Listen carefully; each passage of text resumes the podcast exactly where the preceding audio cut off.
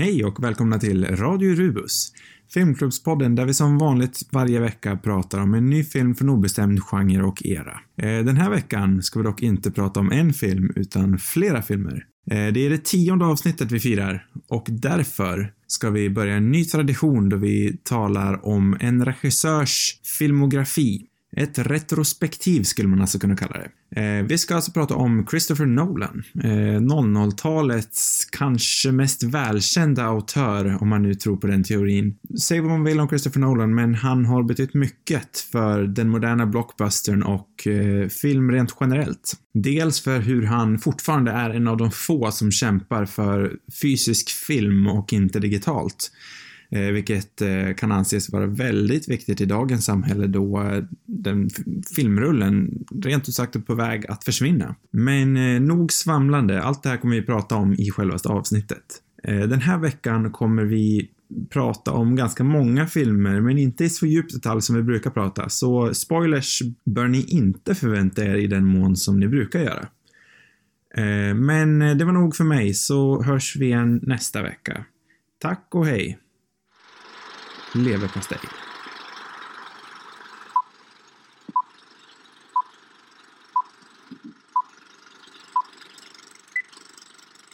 Idag ska vi tala om eh, Christopher Nolans karriär i bilder. Oj, pratar vi bilder bara? Nej. Eh, Men vi ska prata om eh, Christopher Nolans karriär. Ett karriärsretrospektiv skulle man kunna kalla det för. Mm. Eh, lite intressant ämne. Eh, vi tänkte att vi ska göra så här var tionde avsnitt. Mm. Ja, det är en bra idé tycker jag. Ja, eftersom vi firar vårt tionde avsnitt av Radio Rubus idag. Ja. Ja.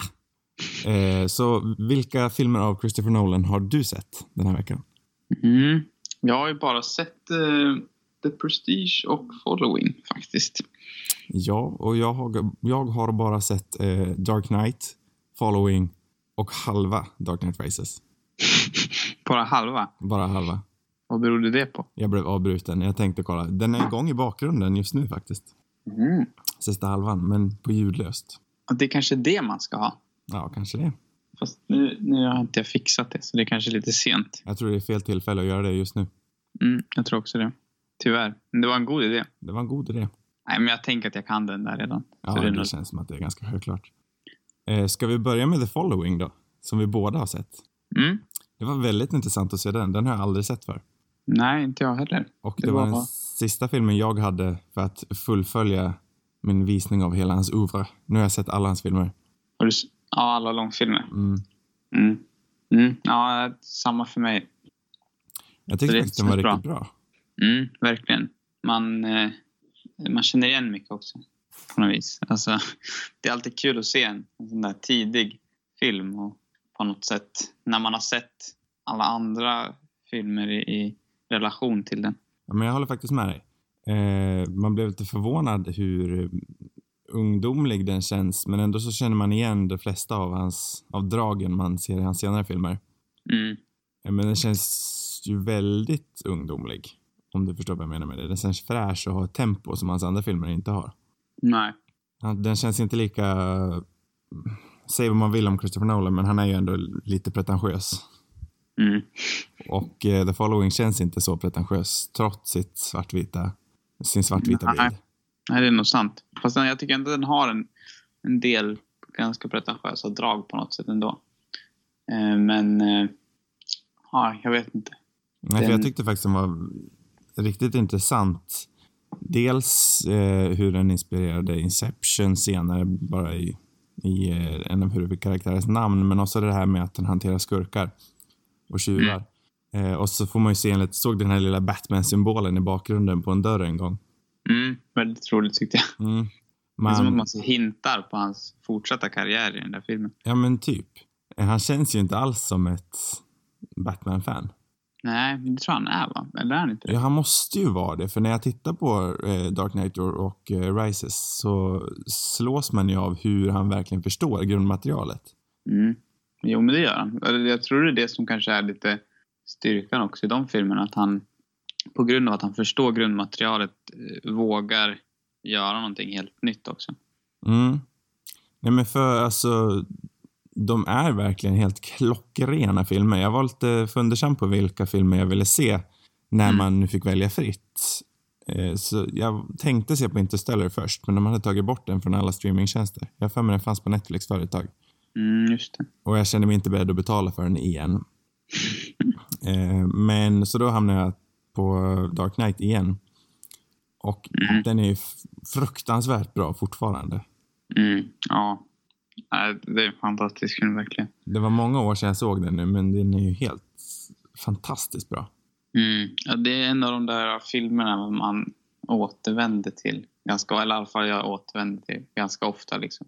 Minst en gång om året känns det som. Mm. För det Och det är finns, inte så många. det finns ju det här som många pratar om att eh, den borde varit en halvtimme kortare. Mm. Och det kan ju vara benägen att hålla med om så här efterhand när man såg hur Rises slutade. Mm. Hade det kanske varit mer intressant att ha Two-Face levande Mm. och eh, föra vidare den plotpointen in i film 3 istället för att börja om på ny kula. Mm.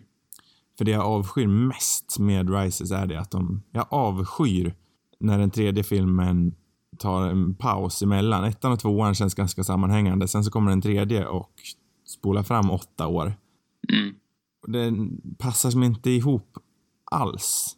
Det finns ju jättebra delar i filmen. Det finns bra material där. Bra grundmaterial. Mm. Men den är fruktansvärt rörig. Mm. Eh, som Catwoman kunde ha haft en egen film och Bane kunde ha haft en egen film. Mm. Ja, det, jo, det är en väldigt rörig film och ja, de har inte riktigt fått det till det, känns det som. Eh, jag vet inte riktigt vad det beror på, men, men det, ja, den, är inte, den är inte lika komplett och liksom konkret som Dark Knight är. Nej. Och inte lika fokuserad heller. Nej, det är väl mest det att den inte känns fokuserad. Mm. Och man kommer ju evigt fundera på vad som skulle ha hänt om, eh, om eh, Jokern inte dog. Vad heter han? Heath Ledger, Heath inte Ledger. dog. Mm. Ja, Det hade varit så fruktansvärt intressant att se originaltanken. Eller höra originaltanken bakom den tredje filmen. Mm. ja, den är jag också nyfiken på att veta vad, vad idén var. Liksom. För den hade ju inte alls varit... För jag tycker den andra filmen slutar med eh, Gordons fantastiska tal där om att eh, Batman är den som, han är den bästa av oss. Han är den som tar smällen, han kommer fortsätta kämpa. Mm. Och sen börjar den tredje filmen med att han gav upp. Mm. Och det känns som ett enormt steg bakåt för karaktären. Mm. Ett steg som jag kanske kan köpa om man hade fått följa Batman kämpa med alla mot sig ett tag. Men det fick vi som publik inte göra. Nej. Och det blir liksom konträrt till vad de sa i filmen innan. Och det är där i det största problemet ligger tror jag. Mm. Ja, och på sätt och vis kan man på något sätt känna att de två tillsammans blir nästan mer kompletta. Att det liksom nästan att avslutet i, i den andra filmen känns... Ja, men man skulle lika gärna kunna stanna där också på något sätt. Precis. Och Så sen, det blir lite samma, samma problem som det kanske finns risk med, med den nya Star Wars-trilogin också. Att, att det känns som att man är färdig på något sätt. Där. Och sen så får man börja om helt på nytt då. Och, Mm. eh, och det var också på grund av Heath Ledger att man inte hade, man valde att, att, att börja om på nytt på något sätt eftersom det inte gick att gå vidare med, med det som man hade i den andra filmen. Jo, jag tror Nolan vart ju ganska tagen av hans död och visste ju inte ens om han ville fortsätta. Nej. Det var ju ganska stort när han väl sa att han ville avsluta och göra den tredje filmen. Mm. Men det tråkigaste är ju att Batman och Gordon har ju knappt några scener tillsammans i trean. Nej. Och det är kanske det som är mest av en besvikelse, för de är ju så fantastiska ihop. Mm. Och det är ju nästan det man hade velat sett efter tvåan, Mm. Ja. känner jag personligen. Mm. Men oavsett, Dark Knight är fruktansvärt bra och eh, Rises har några riktigt bra grejer i sig. Mm. Men det är så synd för jag kan inte överse hur pass mycket bättre den kunde ha varit. Nej. Alltså jag, jag har nog varit ganska länge mindre kritisk än många andra av, av Rises. Men, men eh, ändå på något sätt för varje gång man ser den börjat sett bristerna. Men jag tycker Mm. ändå som liksom självstående filmer måste jag tycker att den fortfarande är rätt stark. Så även om den har sina brister i form av plot holes och, och sådana saker. Men den, den har ju fantastiska setpiece, som, precis som många av hans andra filmer har. Absolut. Och allting Mycket. med Baines övertagande av staden, det känns som att det finns någonting fantastiskt där i som man hade kunnat spendera en hel film åt. Mm. Istället för att blanda in massa andra grejer. Mm. Men eh, vi kanske ska lämna Batman-spåret ett tag. Ja, vi kanske ska återgå till, till början Ja, precis. igen. Ska vi... Såg du Memento, eller? Nej, jag kollade aldrig på den, Nej. tyvärr. Det var riktigt länge sedan jag såg den, men det är också en sjukt bra film. Mm. Ja, det, det är ju kanske en film man borde ha hunnit med. Mm. För den har inte jag heller sett på många år. Ehm, men jag såg ju The Prestige eh, och den var ju också en sån film som jag inte hade sett på, på länge och den vart jag verkligen imponerad av när jag såg eh, den här gången. För att eh, jag hade en del problem med den första gången eftersom ja, men hela den här övernaturliga delen mot slutet på något sätt. Jag hade förväntat mig att han skulle komma med ja, men en, en, en verklig förklaring på, på det och varit liksom besviken på, på det avslutet. Men, men nu den andra gången jag såg filmen så var jag, då, då kände jag redan till, till det övernaturliga så jag hade liksom accepterat det och jag, jag tyckte filmen var fantastisk när man väl, alltså om man hade accepterat den, den delen eh, så vart det mycket bättre. Alltså jag, jag har ju inte sett Prestige på jättelänge, men jag har ju alltid haft lite svårt för den. Det är nog det, kanske den filmen jag har haft svårast för Mm. i hans filmografi. Jag köper ju inte riktigt slutet. Jag tycker det blir lite för mycket eh, kaka på kaka. Mm. Det känns som att det för, första halvan tycker jag är helt fantastisk. Jag älskar David Bowie i den filmen. Mm. I hans fåtal scener och så är Andy Serkis i en sällsynt live action-roll. Mm. Men alltså, någonting med slutet. Det, nu var det så länge sedan jag såg den så jag kan inte riktigt säga vad det är men det är ju, de avslöjar ju flera twistar på rak där. Man tror man vet vad som händer, sen så kommer de med en till twist, sen så kommer de med en till twist och så drar den över typ en timme för långt känns det som. Mm, nej, jag hade inte alls den eh, uppfattningen när jag såg den här gången. Utan jag tyckte den var eh, väldigt liksom tight som en film faktiskt. Och jag tyckte inte att twistarna var liksom... Jag menar vissa av twistarna är på något sätt ser man redan komma. De är inte lika mycket chock som i, i andra eller alltså, De är på något sätt mer förväntade och det kanske är en nackdel då. Men, men det som jag framförallt tyckte var spännande var eh, ja, men de två huvudkaraktärerna av, av Hugh Jackman och Christian Bale som, som hela tiden går fram och tillbaka på något vis i, i deras besatthet över att slå den andra och, och man skiftar på något sätt. Ja, men man gillar den ena till en början och sen så går det liksom över. Alltså det, det, jag tycker det är spännande karaktärer som hela tiden utvecklas liksom och, och som blir ja, egentligen kan man säga att de, de byter plats med varandra för till en början så har man väl mindre sympati med Bales karaktär. Men sakta men säkert så blir ju Hugh Jackman mer, mer och mer besatt och till slut så börjar man ju på något sätt tappa ja, eh, sympatin för honom och, och, då helt plötsligt så känner man mer för Bale. Så jag tycker det är en intressant liksom, karaktärsutveckling i hela filmen. Och sen hela ja, men, grundpremissen med att, med att Bale är liksom ansvarig för döden till, till eh, Hugh Jackmans partner och allt det där. Det är ju liksom det är en väldigt bra handling så tycker jag. Mm.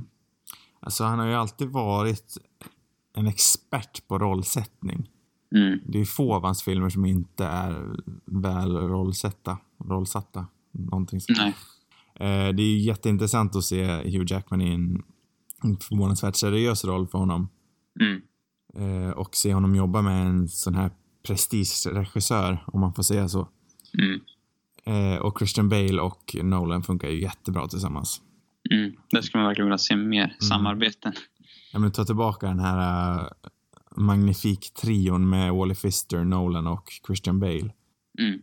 Och varför inte slänga in lite Kane? När han ändå lever. Mm. Det hade ju varit Nej. underbart att se en gång till. Mm. Jag tycker det var så roligt med The Following, om vi ska återgå till den. Mm. Det är på något sätt ibland som man kände igen sättet dialogen är levererad på eller någonting. Det är nästan som att det är någon röst där, det var någon eh, som man nästan kände, det där är Kane, fast det är inte Kane. Utan det, det är någonting specifikt med hur det levereras dialogen. Jag vet inte vad det är, men det, det kändes väldigt Nolan. Jag kan inte riktigt sätta fingret på det. Nej, alltså han är, jag vet inte, skrev hans brorsa Following eller var det han som skrev den? Jag tror han har skrivit den själv. För jag tycker att han är en fantastisk manusförfattare. Mm. Hans dialog tycker jag inte riktigt uppskattas nog. Jag tycker den är jättebra och naturlig. Mm. Eh, sen så handlar ju hans filmer oftast om eh, karriärsmän som gör sina jobb bra. Mm. Och jag gillar ju sådana filmer.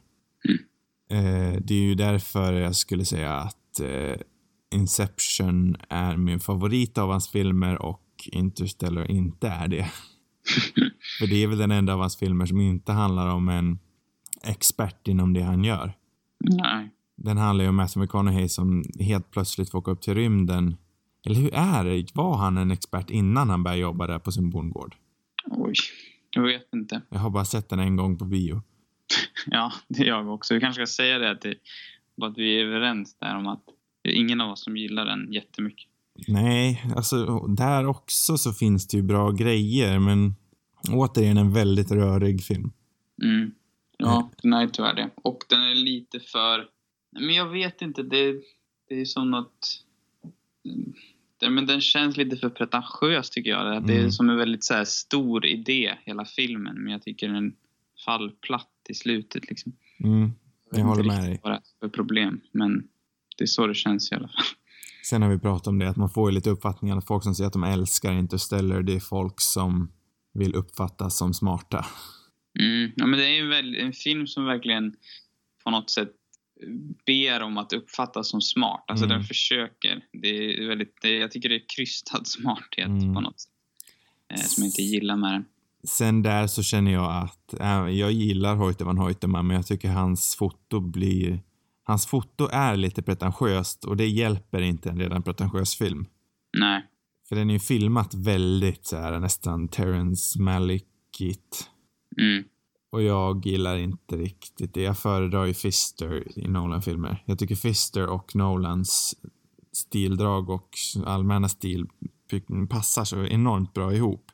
Mm. Ja, men det kan jag faktiskt förstå vad du menar för någonting. Jag tycker ändå att, eh, att Dunkirk som den senaste är att det funkar bättre på något sätt. För den tycker jag faktiskt är väldigt... Alltså, jag tycker fotot i den är väldigt bra fortfarande. Det håller jag med dig. Den är jättesnygg faktiskt. Eh, men det på något sätt, det är den här, jag vet inte, Fisters foto, man, det, alltså det passar bra ihop med, med den här experten, om man ska säga, den huvudkaraktären som ofta finns i, Nolans filmer. Och, och det känns mer, jag vet inte hur man ska beskriva det. Men Krispt är det enda ordet jag kan komma på. vadå för någonting? Krispt. Ja, jo men det är typ det. Alltså, Hoyter känns mer, det känns mer lortigt, lite mer, liksom, det känns också mer nere på, vad ska man säga, det är mer nära kanske. Mm. Eh, Han, han känns som han kör mer liksom handhållet också. Jag vet inte om det är så, men, men det gör han ju mycket. Fister har ju verkligen planerat ut varenda ram känns det som. Det är stilrent, det är krispt, allting är planerat in i minsta detalj. Mm. Och det är ju... Jo, där det skiljer sig för Hoyte är, känns som han är nog mer spontan så. Mm. Jag kollade en del på, på extra materialet till Dunkirk nu och där, där såg man ju verkligen att han, han, att alltså, de har jobbat väldigt spontant liksom. Han har varit Ja, men han har liksom rört sig runt här i de här miljöerna som är väldigt ja, väl uppbyggda och ute i vattnet. Liksom. Han har någon enorm kamera med sig. Så det, det är mycket, de har liksom på något sätt lagt upp för att han ska ha möjligheten att, att vara spontan också tror jag. Mm. Alltså återigen, jag har ingenting emot Hoyte alls. Nej. Jag tycker han är jätteduktig, men skulle jag välja skulle jag helst se att Fister kommer tillbaka till Nolan eftersom Fisters... Jag förstår inte varför han fortsätter insistera att regissera när det inte går något bra för han. Vad har han? Har han någon till film? Nej, inte filmer. Han har ju bara gjort massa tv-serier, massa B-tv-serier. Mhm. Det är det hans karriär är nu. Han regisserar dåliga tv-serier. Ja, det är ju trist. Han regisserade Flaked, hette serien. Det var med Will Arnett. Någon Ja, Netflix-serie det. som var jättedålig. Sen så har han regisserat några avsnitt av The Tick som går på Amazon just nu.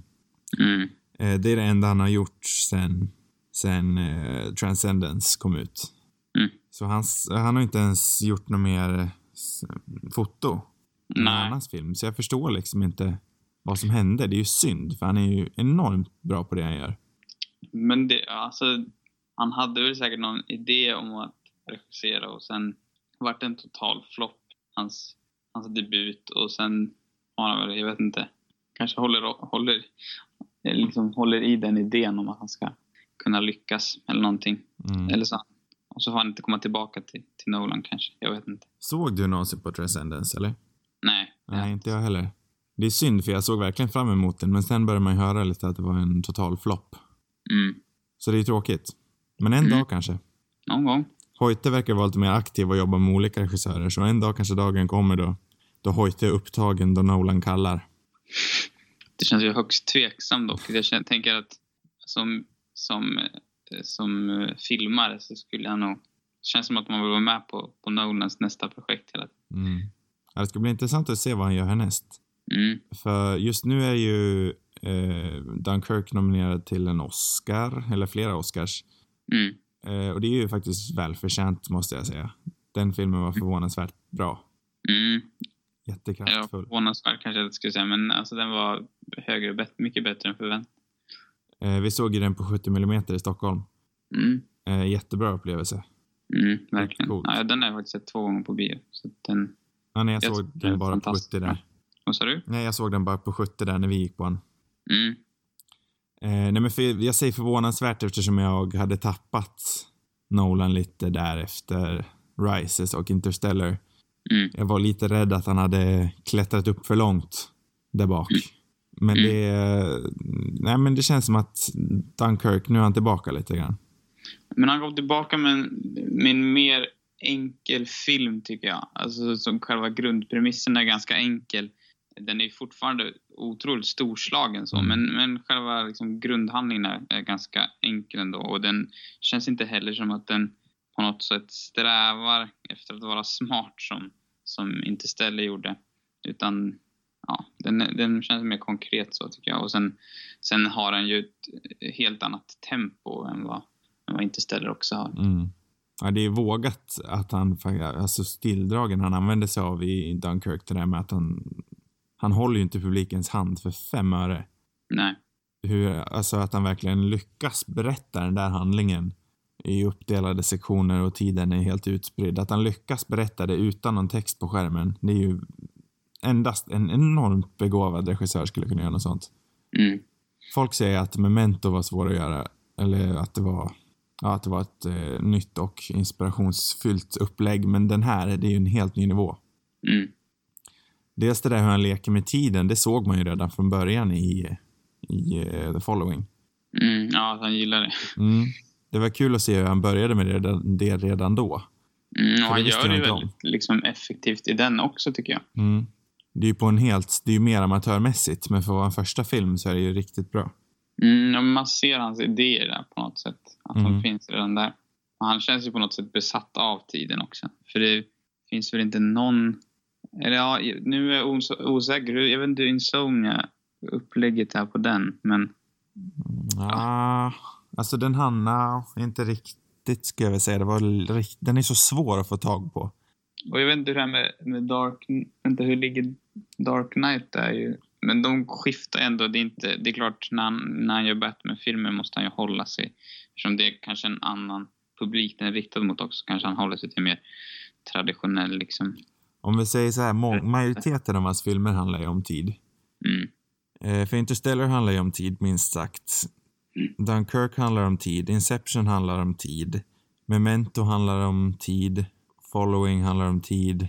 Eller handlar ska man väl kanske inte säga, men den leker med tid allihopa. Mm. Ja, det gör ju Prestige också. Det hade jag också faktiskt glömt med Prestige. ju. Mhm. Ja, det har jag den- också gjort. Berätta mer. Men för den, den börjar ju... Den börjar egentligen... Nu ska jag se om jag kommer ihåg. Den börjar, den börjar med, med de här hattarna som man ser. Mm. Som återkommer sen. Men, men eh, hur är det? Det är... ah, Jag kan inte beskriva exakt, men den, den, den skiftar i, i tidlin, eller tidslinje den också. Och eh, nej men i, tidigt i filmen så får man se hur, hur Hugh Jackmans karaktär eh, åker, ja men ramlar ner i en sån här glaslåda med vatten och eh, hur, hur Bale liksom ser han dö i den här glaslådan. Ja, just det. Ja, Och det bygger hela filmen upp till Mm, sen, man säga. Så, så att den är ju också att den, den hoppar mellan, mellan tider så. Och jag tyckte den gjorde det väldigt bra faktiskt. Eh, så den tycker jag att du borde se om. För jag, Mm. jag hade en helt annan uppfattning. Att jag uppskattade den mycket mer den här gången. Ja, men det ska jag nog faktiskt ta och göra någon gång. Eh, för det, ja, det var jag, var, jag var verkligen liksom tagen. Jag, jag var, även fast det var en film som jag sett förut så var jag verkligen fokuserad när jag såg den. För den, den fångade mig verkligen. Vi började ju tala lite om Insomnia, Mm, filmen han har gjort som är mest bortglömd, tyvärr. mm. Den är ju enormt svår att få tag på här i Sverige. Ja, är det den, den går inte att köpa alltså? Nej, den går inte att köpa, den går inte att hyra så, jag hitt, så vitt jag har hittat i alla fall. Varken i butik eller online. Och den går Jag har inte ju sett den online eh, på någon sida någon gång. Om det var, ja, det var Netflix eller Viaplay tror jag. Jaha, ja, nej, den finns inte där nu i alla fall. Jag prövar söka. Nej, nej den har, de har nog tagit bort den, men den har funnits där i alla fall. det var där ja, jag såg den. Jag har ju enbart sett den på, eh, jag tror den gick på femman. För många, många år sedan gick den någon gång mitt i natten och jag stannade uppe för att kolla på den. Mm, Eh, för att den går ju inte att hitta någon annanstans. nej. Vilket är helt jättekonstigt. Mm, Eh, För så vitt jag minns så man skulle väl kunna säga att tid är lite av ett tema i den också eftersom den handlar om hur man inte kan sova och hur tiden, hur tiden inte riktigt uppfattas där uppe. mm. Eftersom det är Jo, men det är det. Så tid är ju faktiskt ett tema där med. Mm, Eh, Och i Rises blir också tid lite av ett tema eftersom den tickande klockan. mm. Så det är väl egentligen bara Begins och Dark Knight som inte har tid som ett huvudtema. Nej, men Begins känns ju, den, den hoppar, alltså tidslinjen är, ju, är väl inte helt rak i den, utan den hoppar ju en hel del fram och tillbaka i tiden. Mm. Men jag Så vet inte om jag skulle kalla det för en- ett... Ja. Fast ja, det, det är inte, Den leker ju med det, men inte riktigt på samma vis. nej. Eh, Men om vi ska tala lite mer om Insomnia, för jag tycker den filmen är jättebra. Mm. Alltså jag var inte... eller Jag tycker att den är... Det är en bra film, men, men inte... Det är inte någon som jag förmodligen kommer återbesöka. Tror jag. Det är en, en av mina minst... Ja, den jag gillar minst av Nolans filmer. För jag vill jättegärna, jag har ju bara sett den en gång som sagt och jag vill jättegärna se den igen. För så vitt jag kan minnas så känner jag personligen att det är hans mest underskattade verk. Mm. Och minst sedda eftersom den är så svår att få tag på. För den har ju också en magisk rollista med Pacino och Robin Williams och Hilary Swank. Ja, det har ni ju verkligen. Eh, Williams i en av sina bästa roller. Där på tidigt 00-tal då han faktiskt var lite mer seriös. Många av hans roller då var ju väldigt seriösa. Eh, Det var ju tragiskt att han inte... Alltså han var ju jätterolig, så man ska inte säga att det är tragiskt att han, att han var rolig i alla filmer. Men det var alltid ett nöje att se honom spela mer seriöst. Mm. Eh, Begins har vi inte talat om, Batman Begins. Nej, Det är också en sån här film man lätt glömmer bort, men även en film som är jättebra. ja, jag tycker att det är en av hans starkaste filmer faktiskt. Mm. Ehm, och på sätt och vis... ehm, den, det är svårt om man ska rangordna Batman-filmerna för Dark Knight blir ju en etta. Men jag tycker Begins ligger liksom ändå... Den är inte långt ifrån. Och om man skulle liksom ta bort Heath Ledger från Dark Knight så, så skulle jag nog sätta Begins på toppen nästan tror jag. För jag tycker att den på något sätt är en... Eh, kanske... Jag menar, den är väldigt liksom... Eh, vad ska man säga? Nej, men den är väldigt effektiv i sitt berättande tycker jag. Och eh, det är nog, ja men det är en väldigt stark film. Mm, jag håller med dig. Det är synd att eh, de försökte ju dra tillbaka mycket, dra lite röda trådar mellan den och eh, Rises. Mm. Eh, men det är också en sån här, alltså trådarna mellan ettan, tvåan och trean. De försökte liksom sluta en cirkel, men det funkar inte riktigt.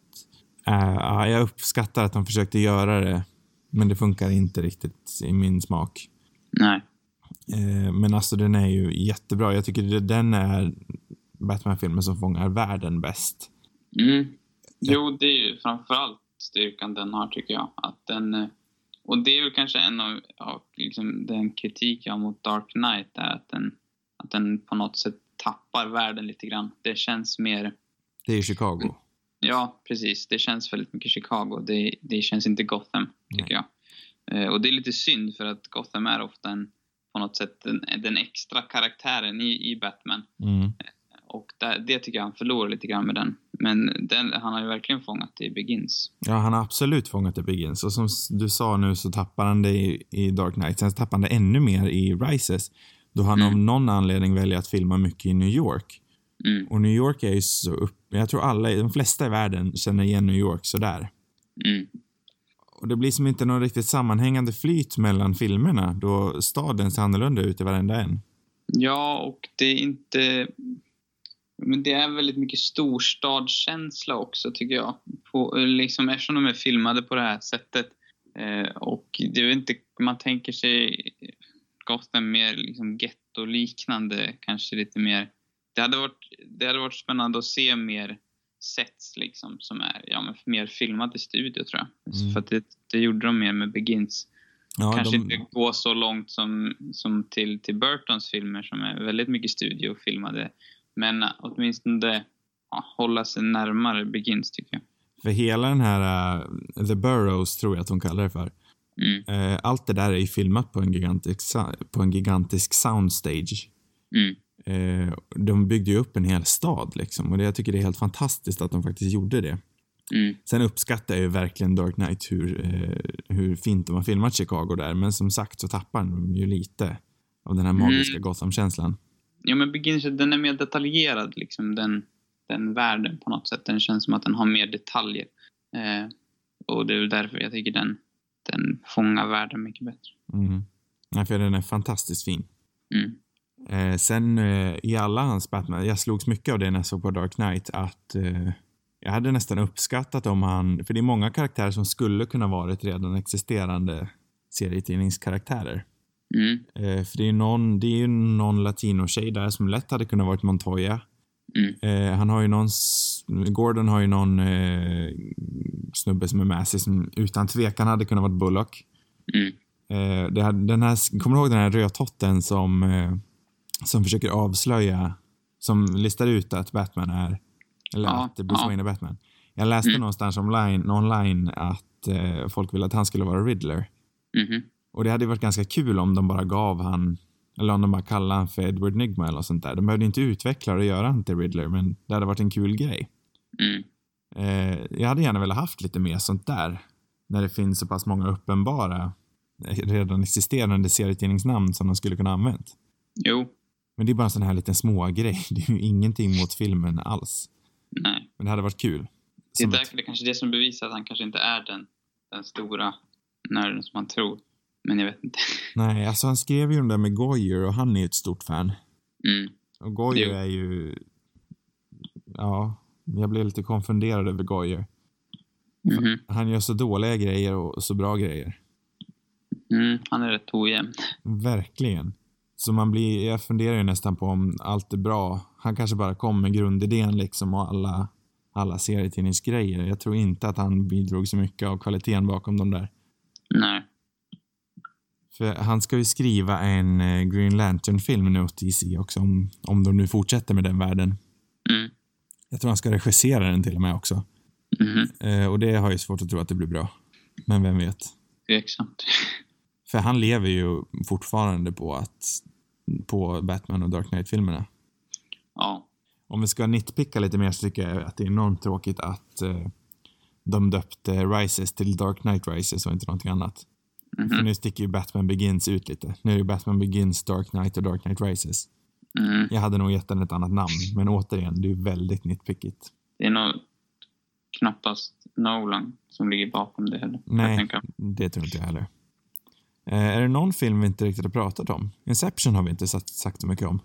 Nej, det har vi inte gjort. Och det, det är nog min favorit tror jag. Det är min absoluta favorit. Så den borde vi prata mer om. Jag älskar Inception.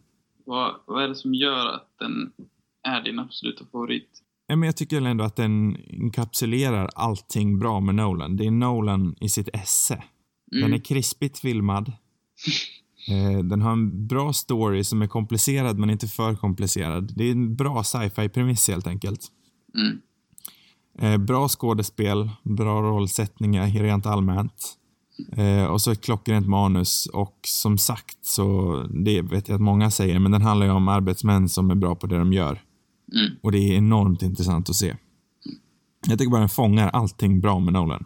Mm, ja, alltså den, den är också väldigt effektiv och den har på något sätt, ja, men den har någon typ av perfektion över sig.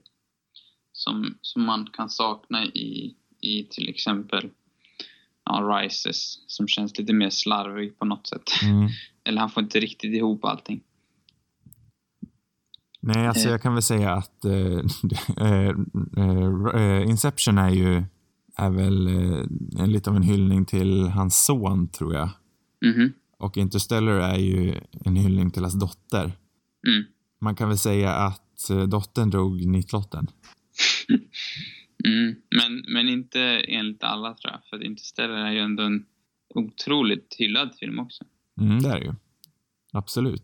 Jag vet inte varför egentligen folk tycker så mycket om den. Ehm, men den är ju otroligt uppskattad. Man hör ju många som har den som favoritfilmen.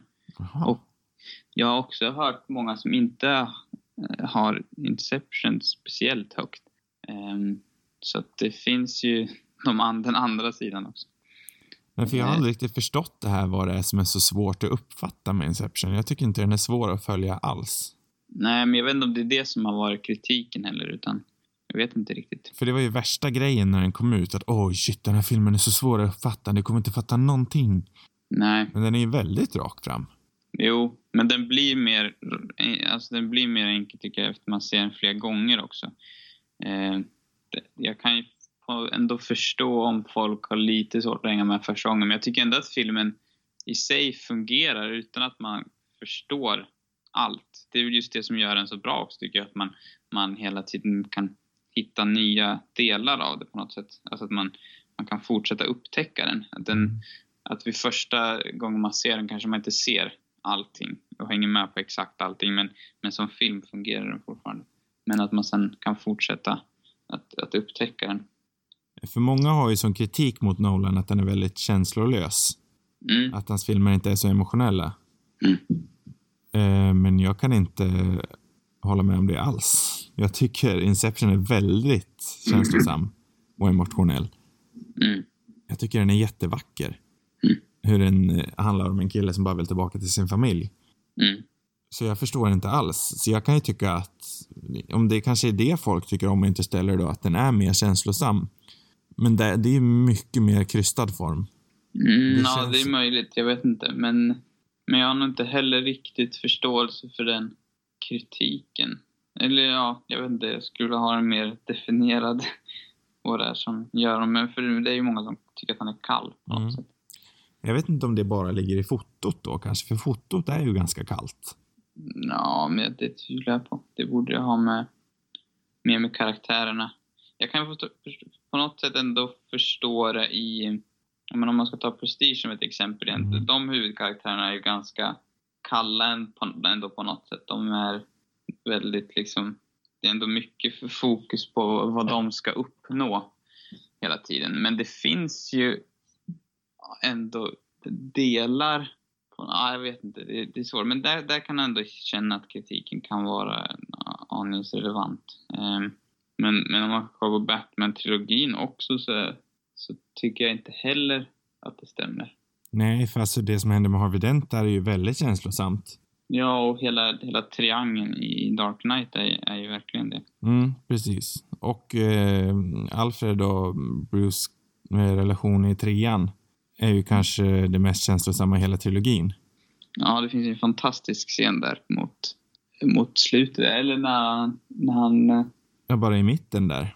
Ja, det är i mitten förresten. När han, han står där i en trapp typ. Och, Ja, precis. Det är ju mitten. Sen så är det ju gravscenen där i Just det. begravningsscenen i slutet. Och det är ju kanske Michael Caines bästa uppträdande någonsin, tycker jag. Mm. Ja, han är väldigt bra i den filmen. Han är fantastisk. Jag tycker faktiskt att han skulle blivit nominerad för den, för någonting i alla fall. Mm. Även fast filmen i sig kanske inte är bäst så tycker jag absolut det.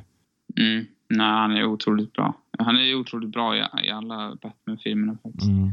Ja, det är ju Gary Oldman också. Ja. Oldman är en till sån här skådespelare jag skulle vilja säga att han jobbade igen med. Mm.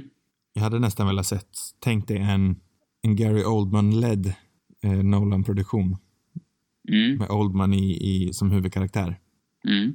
Det hade varit något. Jag skulle vilja se en till med Bale, tror jag. Mm. Ja, det känns som att de var ju sån, ett sånt radarpar där i början. Mm. Jag vet inte vad som har, om det är någonting som har hänt mellan dem. Som, Nej, det tror jag inte. nej, de borde ju, de känns på något sätt som de borde gilla varandra. Ja, för jag vet att Bale har ju sagt det många gånger att han skulle ju aldrig spela Batman utan Nolan. Nej. Jag tror till och med att han har sagt om att Nolan skulle komma igen med en Batman-film så skulle han göra det. Jag kan ha missuppfattat det, men jag har för mig har hört det någon gång. Jag har också en artikel om han där, där han tyckte det var lite jobbigt att inte spela Batman. Mm, precis. Och det tycker jag ändå är lite kul. Ja, att han saknar den rollen. Det går ändå lite emot hur man tänker att han är som person. Mm. Ja, jag vet. Eh, nej, för det hade ju...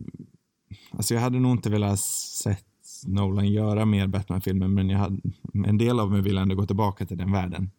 Mm, För att det är så, så bra filmer.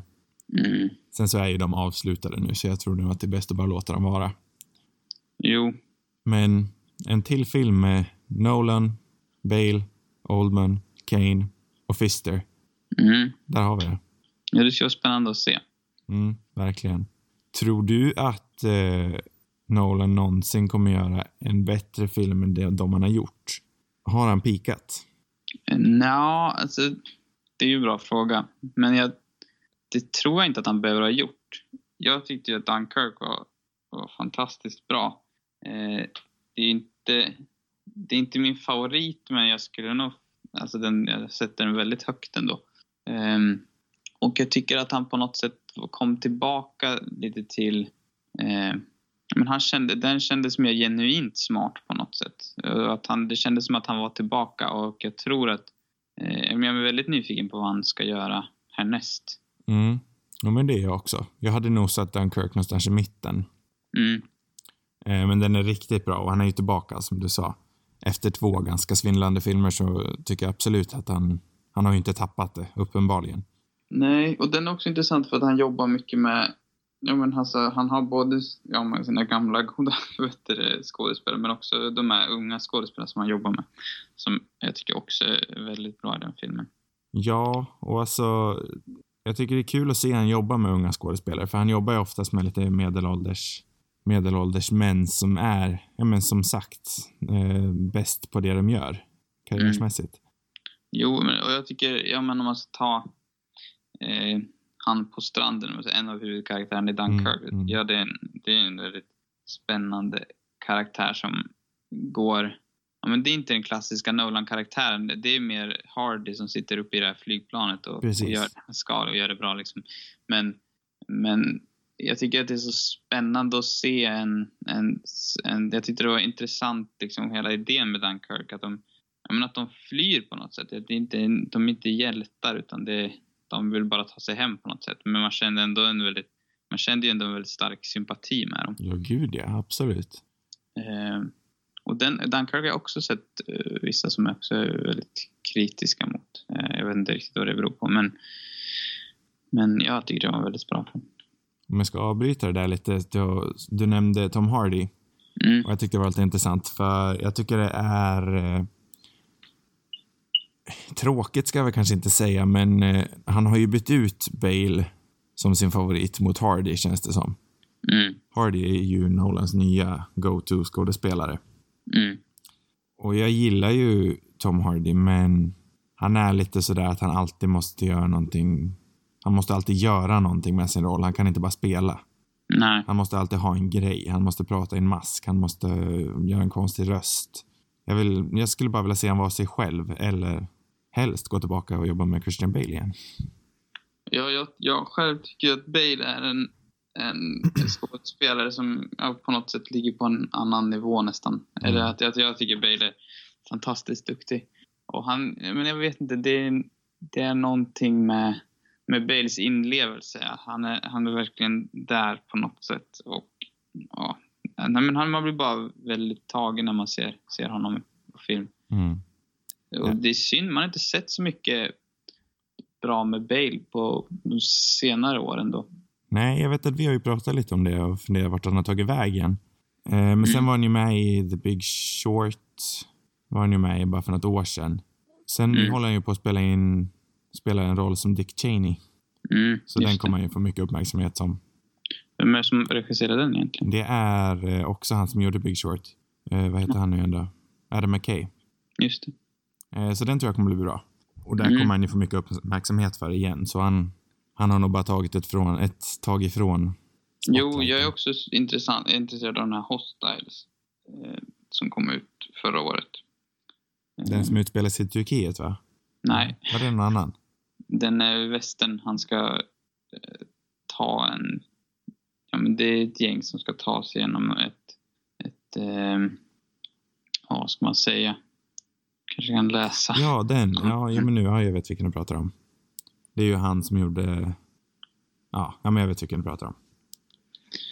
Ja. Ja. Eh, Den skulle väl inte vara så bra. ska eskortera någon ja, familj genom farligt område.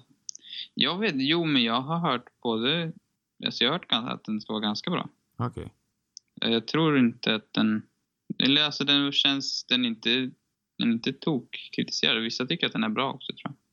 Så att, så den har inte fått så dåligt. Jag har hört att Bale också är väldigt bra i den. Så att bara av den anledningen vore det intressant att se. Mm. Ja, men för den är väl regisserad av eh, Cooper någonting heter den väl? Mm. Into the Furnace heter inte den så som han gjorde. Jo, precis.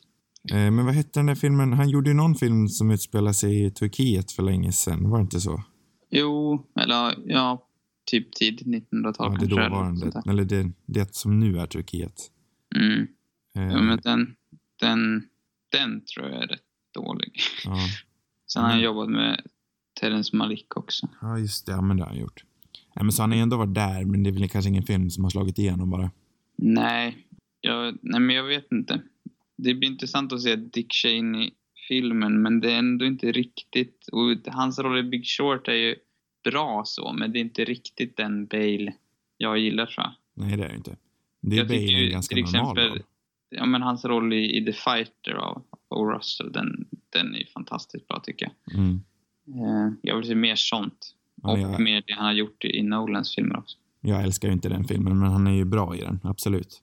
Ja, alltså filmen... Ja, jag, alltså, jag tycker det är en solid film, så, men, men hans, eh, hans performance den är otroligt bra. Ja, det är det ju. Absolut. Eh, om vi ska tillbaka, ta tillbaka lite till Nolan. Mm, Eh, jag, jag skulle jättegärna vilja se han gå tillbaka och göra en liten film. mm, En film i, ja men, typ som Memento eller Insomnia. Mm.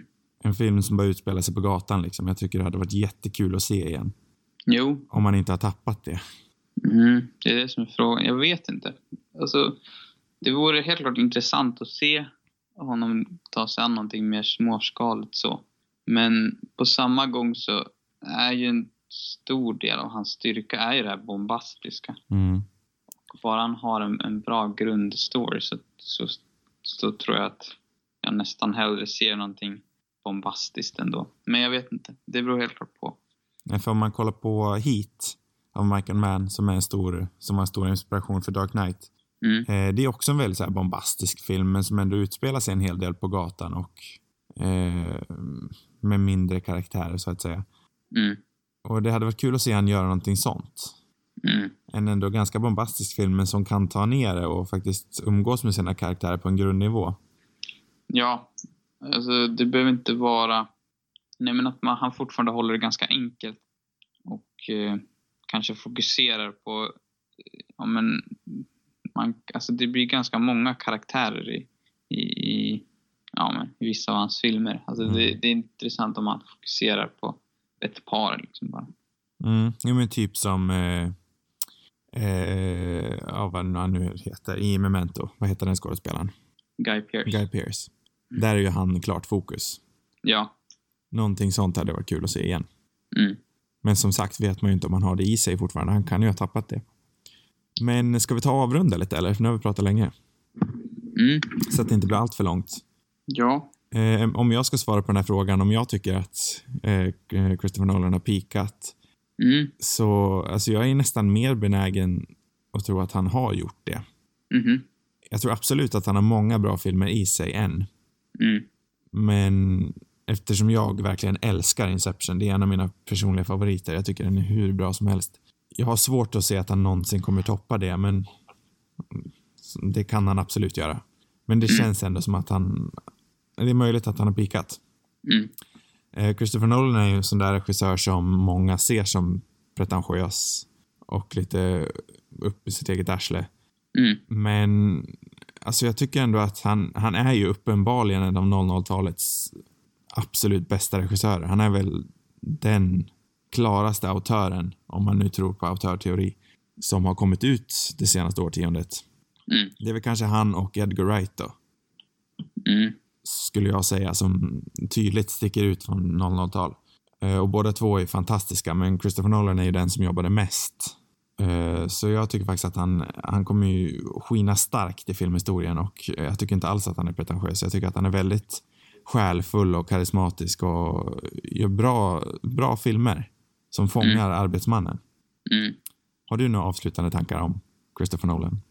Nej, men jag håller ju med. Alltså, han är ju, eh, om man ska säga, en av vår uppväxt absolut bästa filmskapare. Ehm, och han... Jag, jag tror att han kan ha eh, någonting väldigt bra kvar också. Men det är klart, jag känner samma sak som du med. Att man, han har ju några riktigt bra som säkert kommer bli svåra att, att toppa. Så. Eh, sen kan jag ju på sätt och vis ibland känna att han är kanske aningen pretentiös. Men jag tycker det är lite det som är charmen med honom också. Ja, men lite så är det faktiskt det. Och att han på något sätt... Ja, men man gillar, men det är liksom med Dunkirk, liksom också vad han eh, är redo att spendera. Alltså han är ju i på något sätt lite galen nästan. Mm. Ja, nu har ju han carte blanche. Han får göra vad han vill. Ja, och jag tycker ändå att det är intressant att ha honom, att han är på det sättet. För att man får ju otroligt häftiga filmer. Mm. Sen kan det vara på gränsen till, till, till dumt ibland, men Men han jag vågar. att han motiverar det bra. Han är ju den enda som faktiskt vågar göra sådana filmer. Ja. Och det är ju jätteinspirerande och bra att det faktiskt finns sådana. Eh, ja, men då då? Känner vi oss klara? Jag tror det. Ja, men vad bra. Jag tyckte det här var ett intressant upplägg. Mm, Jag tycker vi fortsätter göra så här var tionde avsnitt. Mm, Och jag vet redan vilken regissör vi ska välja till nästa. vet du det? Ja. Men det är tio veckor kvar. Vem är det? Får man veta? Får man? Ja, i och för sig. Man kan ju nästan få veta så kan man kolla in lite. Men det är ingen, Ja. du, det är ingen du behöver se mycket filmer av, för jag vet att du redan har sett typ alla. Ja, men det är bra. Då ska vi prata om Edgar Wright. Ah, spännande. Om du går med på det. Ja, det går jag med på. För de här tänker jag, de här kan vi bestämma lite tillsammans. Ja, Men det tror jag skulle vara intressant, vi behöver ju inte avslöja det i den här podden heller om vi inte vill. Det kan Nej. vi ju klippa bort. faktiskt. Eh, Men, men det är då bra. Jag har alla Wright-filmerna förutom den nya. har du. Scott Pilgrim också. Mm, Oj, shit, har vi någonsin pratat om det? jag vet inte. Det kan vi ju lämna till då. Ja, det lämnar vi absolut då. Ja. Eh, ja, men då avrundar vi lite för dagen. Mm. Återigen, intressant upplägg. Ja. Bra regissör som kommer minnas genom tiderna. Mm. Eh, nästa vecka, då är det min tur, är det min tur att prata? Eller välja film? Mm. Ja, det är det. Då på tittarförslag, eller lyssnarförslag, ska vi Mm. titta på Titanic. Mhm. Jim Camerons storverk. Det blir intressant. Ja, så den ska vi kolla på. Till nästa vecka så ska vi prata om den. Ja. Eh, Sam Svensson, tack för idag. Tack själv. Så hörs vi igen nästa vecka. Hej då! Ja.